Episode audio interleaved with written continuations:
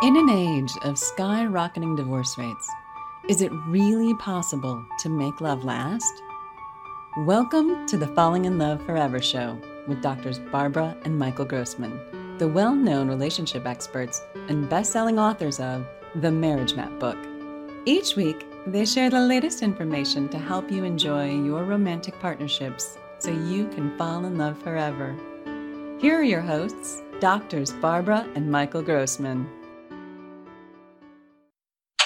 Hi, I'm Dr. Michael Grossman, anti aging physician specializing in keeping you healthy and keeping you young. I'm Dr. Barbara Grossman. I'm a licensed individual marriage and family therapist, and I've been working with couples and individuals for um, close to 40 years. So, we'd like to talk to you today about the importance of a healthy sexual relationship for your marriage, for your romantic relationship. It's not just something that makes you feel good. It's really, really very important for your physical health as well as your emotional connection. So there's lots of studies, medical studies, showing that a good sexual relationship very important for your health and well being, for your longevity, for reducing illness, reducing stress, blood pressure issues, for helping you to have a balanced life. And the hormonal changes that occur during sexual activity are very, very healing for your physiology. And there's lots of research showing that people with healthy sexual lives live longer and have a better quality of relationship. And we know that the quality of your relationships after the age of 50 is the most important factor in how long you live. So there's been a variety of studies showing that um, that the most important factor in that longevity is not blood pressure and cholesterol and diabetes, but is actually the quality of your romantic relationships. And that influences so many other things in your physiology, so many other things in your life. So this is not like an optional thing. This is like really critical. So as an anti-aging physician, I want you to have the best experience of youthfulness and enjoyment of your life and having a good sexual relationship. Very, very big part of that. So we know everybody's busy. Everybody has, has lots of responsibilities. The day is long and we're tired. But it's important that we uh, set aside and make a schedule for getting together regularly. I actually suggest that you aim for every night uh, or every morning. And you um, and you make sure that you're touching each other, and you can read books, and you can learn all kinds of of um, uh, exotic techniques, and that's all fine and good. But it's the open heart and it's the um, just the physical connection of touching each other and um, bringing your heart, bringing your attention to your partner that um, brings uh, pleasure and joy and makes uh, relaxation and connection available to you. So important. Now, if what I'm suggesting doesn't sound uh, interesting to you, if, if you have lots of excuses for not being willing to get together on a regular basis, it's probably because there's there's hurts or resentments in the way, and there's important things to talk about. And if you don't know how to talk about those things and resolve them, we're happy to share our our uh, skills with you in our Falling in Love Forever course that's available starting um, the next course is in January. And uh, these are good skills to have because you don't want to accumulate um, injuries and resentments that get in the way of really feeling connected. So, what Dr. Barb is describing is that when there's little and little resentments that come into your relationship, if you don't deal with it, it just builds up. If you just sort of swallow it and just say, well, this is the way it has to be and go on, then as it, time goes on, you build up more and more of these resentments and these hurts, and they just build up. And then you begin to build an emotional wall between you and your partner. And to feel like you want to pleasure your partner through sexual activity becomes not, not so interesting, not so desirable. You just feel like, uh, who wants to do that? It's emotionally difficult. When you have a little resentment that comes up and you have the skills, as Dr. Barbara says, you have the skills that you've learned from our classes, perhaps, where you learn to dissolve those resentments. Then what happens is that you love to please your partner.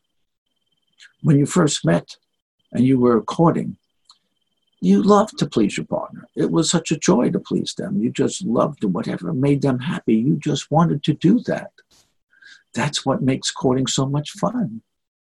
And they do that for you, you do that for them, and it just builds and builds. The pleasure of being together is just so delightful. You decide, oh, I've got to get married to this person. It's so wonderful inevitably after you get married over the years resentments build up unless you have the skills to maintain dissolving those little upsets that come up those upsets will happen and you can dissolve them and it takes the ability to be skillful so that you can dissolve the resentments you tell your partner gee when you said that it really hurt when you did this it felt really bad to me and then your partner says, Well, either I had no idea, or the partner says, Well, yeah, you should have felt hurt because I heard about this and this that you did. And you have to talk about it. And you have to share in such a way that you can dissolve all those resentments. So ultimately, you're free of resentment, where you don't necessarily agree with each other. Barbara and I, there's a lot of things we don't agree about but we don't have any resentments because we're caught up. We're, we're, we're current. So even though we don't agree, we have different personalities, and she would like me to be neater, and I'd like her to have a better organizational uh, qualities. I'd like for her to be less concerned about neatness and more concerned about functionality. I'd like my towels where it's convenient. She likes everything neat. But you know you accept each other and you and you and you deal with it and you and you share with each other and that creates a sex life that really works because you're current you're not holding back resentments you want to please them and the differences actually bring the sex life to it's like water it's like water. You know, the rain is is like a funny thing. You know, it gets you wet and it's a little disorganized and it's a little chaotic, but it brings that that that nourishment. The differences is what makes for sexual pleasure. That I can love Barbara, who's so different than me, and she can love me, who's so different from her. Because if you don't have the resentments, that builds up the pleasure, builds up the pleasure and the intensity get is there. Sexual pleasure requires loving someone who's different than you. If they're exactly the same as you in every way, you love them like a brother or sister, but there's no sensual pleasure there. So we encourage you to celebrate your differences. Agree with your partner, but you have to get those resentments to be gone. That's what's critical. And then you're going to be in a healthy place where your your emotions are healthy, your body and your physiology is healthy, your psychology is healthy, and you're also experiencing pleasure. So, sex is an opportunity to give each other exclusive attention, um, to relax and um, uh, release the pressure of the day, and to um, connect with a, um, a joy and a pleasure that is emotionally intense and personal as well as impersonally spiritual and deeply gratifying. It's a wonderful way to share love with your partner. We encourage you to, to make a schedule and and make a date and keep your dates and be together, connect, touch each other, love each other, and celebrate your love. And I will invite you to listen to my discussion on sexual if there's anything going on that the sexual functioning doesn't work for you we have so many new technologies that help. I encourage you to listen to my um, discussions on the OC wellness side of things, and you can you can uh, change this because sensual sexual pleasure with your romantic partner is not an option. It's something that is critical to your health and well-being. It's critical to your psychological well-being and your physical well-being. So do pay attention to this and do put this as a priority. And as Dr. Barbara says, you make a schedule.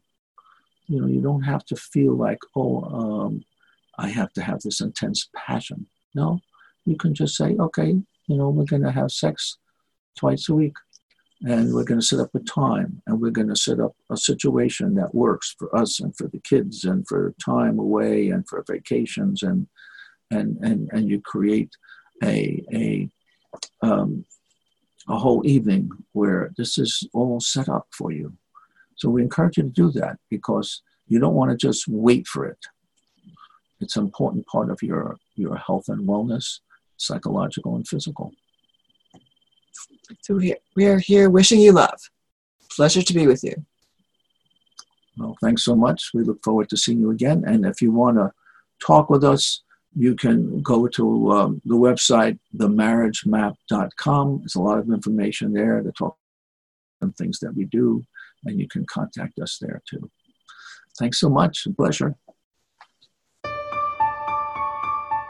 Thank you for watching the Falling in Love Forever show with doctors Barbara and Michael Grossman. Join us next week for another informative discussion to help you keep your love alive. Be sure to visit us at themarriagemap.com or find out about our relationship classes at fallinginloveforever.com.